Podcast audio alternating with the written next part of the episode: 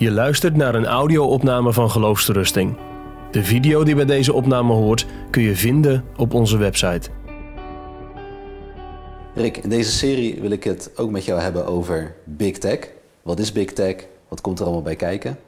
En we maken er allemaal gebruik van. Hè? Vaak gratis. Dus uh, wat houdt dat precies in? En we komen ook steeds meer in filterbubbels terecht. Hè? Dat hoor je ook overal, dat we in filterbubbels terechtkomen. En je zou bijna zeggen dat uh, Big Tech iets wegkrijgt van een, uh, van een ideologie. Maar voordat we het daarover gaan hebben, um, kun je even uitleggen wat Big Tech is? Ja, Big Tech is de verzamelnaam van uh, grote organisaties en bedrijven in zeg even de platformindustrie, zoals ze dat te noemen. Dus daarbij kun je denken aan de sociale media als Facebook, Snapchat, TikTok, et cetera. En vaak wordt de grootte van dit soort bedrijven aangeduid in het aantal gebruikers wat van die dienst gebruik maakt. Om een voorbeeld te geven, er zijn diverse sociale media platformen die hebben meer gebruikers dan eigenlijk de grootste landen in de wereld, hè, bijvoorbeeld China en India, dan zij inwoners hebben. Dus je kunt je voorstellen dat dat best ook wel een grote impact op democratieën kan hebben. Ja. Een ander voorbeeld uh, kan zijn um, de waarde van dit soort organisaties. Hè. Dus bijvoorbeeld Apple heeft een beurswaarde wat groter is dan het bruto nationaal product van landen als Nederland, uh, Mexico en Saudi-Arabië. Dus je kunt je voorstellen, dit zijn echt gigantische organisaties. Ja, want ik heb wel eens gezien zo'n lijstje. Dan, als je die lijstjes kijkt van de grootste bedrijven ter wereld, dat zijn, dat zijn allemaal techbedrijven. Er zit een ontzettend grote technologiecomponent in. En, en daarom um, krijg je nu ook steeds meer mensen en critici die daarover bezorgd raken. Hè? Want wat ja. op zo'n platform gebeurt, hoe worden mensen beïnvloed?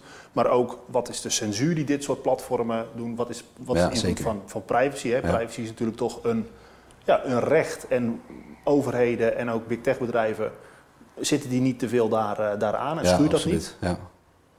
Het zijn echt wel discussies inderdaad. Ja, en ik, ik wil ook wel even iets, uh, iets zeggen, denk ik, over die, uh, over die ideologie. Ja. Um, want kijk, uiteindelijk draait het allemaal om data bij die platformen. He, ze zijn allemaal data aan het verzamelen van ons. Ja. Data van over heel de wereld en over eigenlijk heel ons leven. En dat zie je ook natuurlijk wel in, uh, in crisissen die plaatsvinden in deze wereld. Dat besluitvorming plaatsvindt op data. He, dus data wordt dan ook gezien als Een ja, een oplossing. Ja, misschien wel ja. Echt als een oplossing voor alles. Dus technologie in combinatie met die data um, levert dan genoeg input uh, om daar besluitvorming op te doen. En dan zie je dus inderdaad de grote invloed en impact van die, uh, uh, van die bedrijven.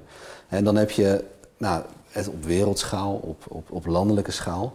Maar die big tech bedrijven hebben ook gewoon invloed op jou als persoon. Ja. Um, en wat ze bijvoorbeeld onderzocht hebben van hoe kunnen we zo snel mogelijk, zoveel mogelijk van het gelukstofje hè, wat we in ons hebben, dopamine heet dat. Hoe kunnen we dat zo snel mogelijk, zoveel mogelijk aanmaken? En um, je wordt dus gewoon verslaafd gemaakt door die platformen. He, ze willen jou zoveel mogelijk op hun, uh, op hun platform hebben. Ja, en dat is natuurlijk wel, uh, dat is wel gevaarlijk. Um, ik zei al gratis. Heel veel van die producten zijn gratis. Ja. Uh, maar er wordt ook heel vaak gezegd, ja, maar ze zijn eigenlijk niet gratis. En, maar hoe, hoe zit dat? Ja, er is altijd een rekening, hè? want anders, anders bestaan dat soort bedrijven niet. Nee, precies. Dus wat je eigenlijk zou kunnen zeggen, als je gebruik maakt van gratis diensten, dan is iets anders het product. Nou, en dan is natuurlijk de vraag, wat zijn dan, uh, wat, wat, wat is dat dan? En dat is, dat is vaak, dat ben je zelf. Dus als iets gratis is, ben je zelf het product. Jouw zoekgedrag. Um, um, de, de zaken die je, die je kijkt, de zaken die je bestelt, et cetera. Ja. Dan worden online worden daar profielen van gemaakt. Hè, die worden uh, door middel van uh, flitshandelaren wordt dat zeg maar, uh, verkocht via, voor adverteerders.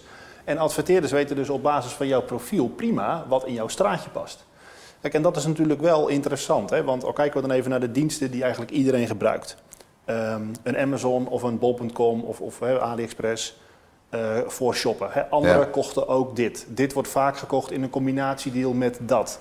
Nou, ga even naar de audiodiensten, zoals Deezer en Spotify. Anderen luisteren ook dit. Er is een nieuwe CD uit. Maar kijk ook even naar de videostreamingdiensten, zoals Netflix of New Fate Network.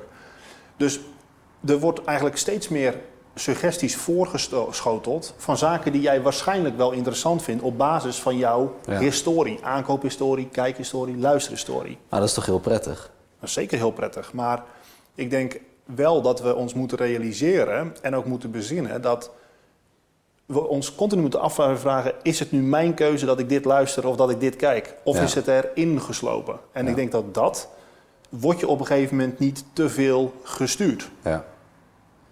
Ja, ik denk, ik denk dat, zeker als het over dit thema gaat, een stukje bewustwording van, van hoe werkt het, wat is de impact daarvan, ehm, en wat, wat, wat heeft het voor invloed eh, eh, op mij. En zeker eh, als het gaat over sociale media. En er zijn natuurlijk best wel veel, veel boeken over geschreven, ehm, maar misschien even één boekentip dan.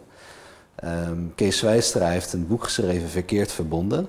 En dat gaat dus ook over de impact van, ehm, van sociale media op, op ja, hè, de relaties die, je, eh, die je onderling hebt. Ehm, maar zijn, zijn er alternatieven? Nou, dat zijn zeker alternatieven. Je noemde natuurlijk in het begin ook al ehm, eh, iets als filterbubbels. Kijk, wat je tegenwoordig steeds meer krijgt, is dat dezelfde mensen via sociale media in contact komen met gelijkdenkenden.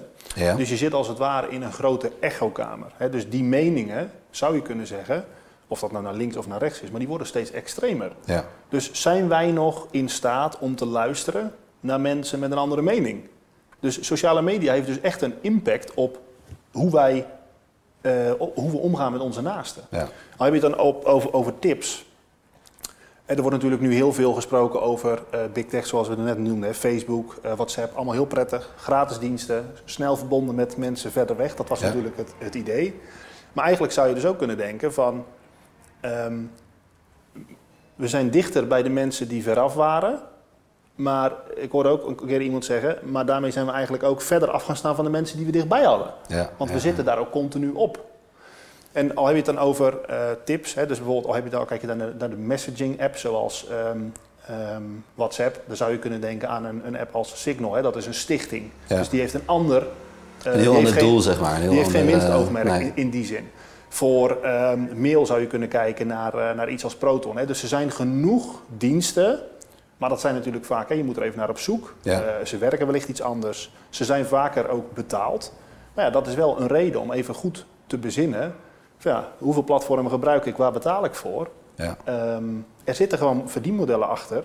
Er wordt op basis van jouw data een profiel gemaakt en dat gaat richting advertenties. En ik denk ook nog een, een gevaarlijk iets om te noemen. Eh, is bijvoorbeeld het, het, het ehm, voorbeeld wat steeds vaker ook eh, door mensen herkend wordt. eh, is dat al heb jij het aan de keukentafel over een bepaald onderwerp.